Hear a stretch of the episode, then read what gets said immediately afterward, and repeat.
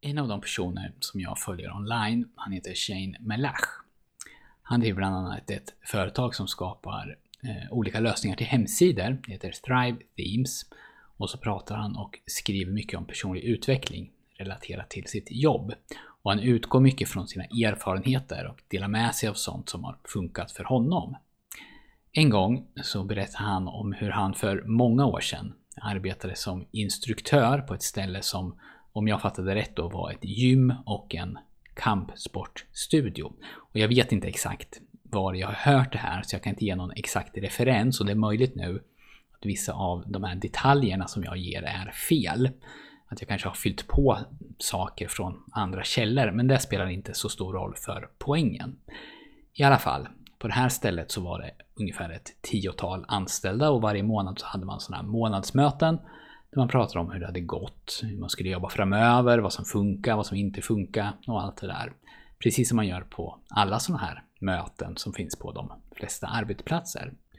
Och när tjejen hade jobbat på det här stället ett tag så lade hon märke till att ämnena på de här mötena ofta var de samma. Bokningar och medlemssystemet i datorn till exempel var kanske svårjobbat. Vissa saker behövdes föras in manuellt och om det inte gjordes på samma sätt varje gång så blev det en enda röra. Så någon behövde bestämma exakt hur varje uppgift ska föras in och så se till att alla vet om det och gör så.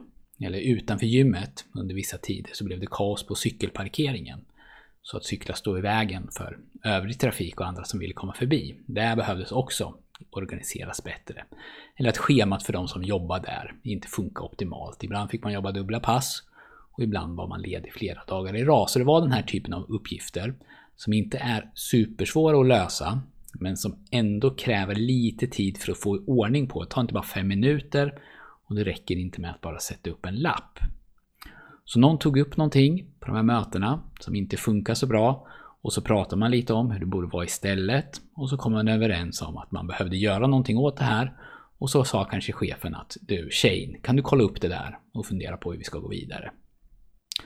Och alla hade ju sin sak som man tyckte var viktigast, så man pratade lite i munnen på varandra och argumenterade för att just mitt problem är det som är viktigast. viktigast. Men väldigt få av de här problemen blev verkligen lösta. De kom tillbaka som sagt, möte efter möte, som ständiga irritationsmoment. Så vid ett av de här mötena så lyfter Shane upp det här problemet, att vi har alla de här sakerna som vi vill få gjorda, men just nu så blir de inte gjorda. Vi pratar om samma saker nu som vi gjorde för ett år sedan. De hänger i luften.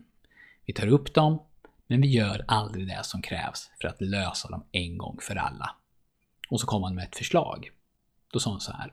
Skulle vi inte kunna göra så att vi gör en lista med våra namn på och så får den som är överst på listan bestämma vilket av alla de här problemen vi ska fokusera på först. Och så ägnar alla hela månaden till att lösa just det problemet och bara det problemet.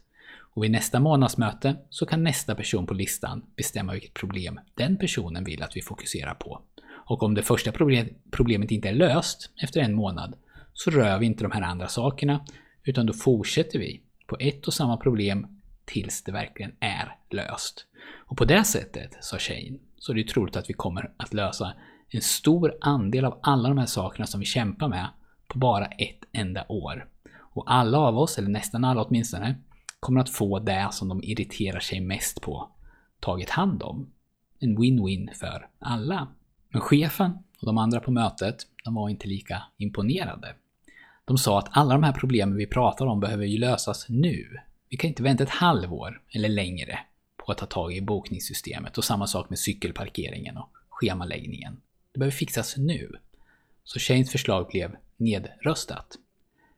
Ett år senare så var samma ämnen uppe på de här månadsmötena.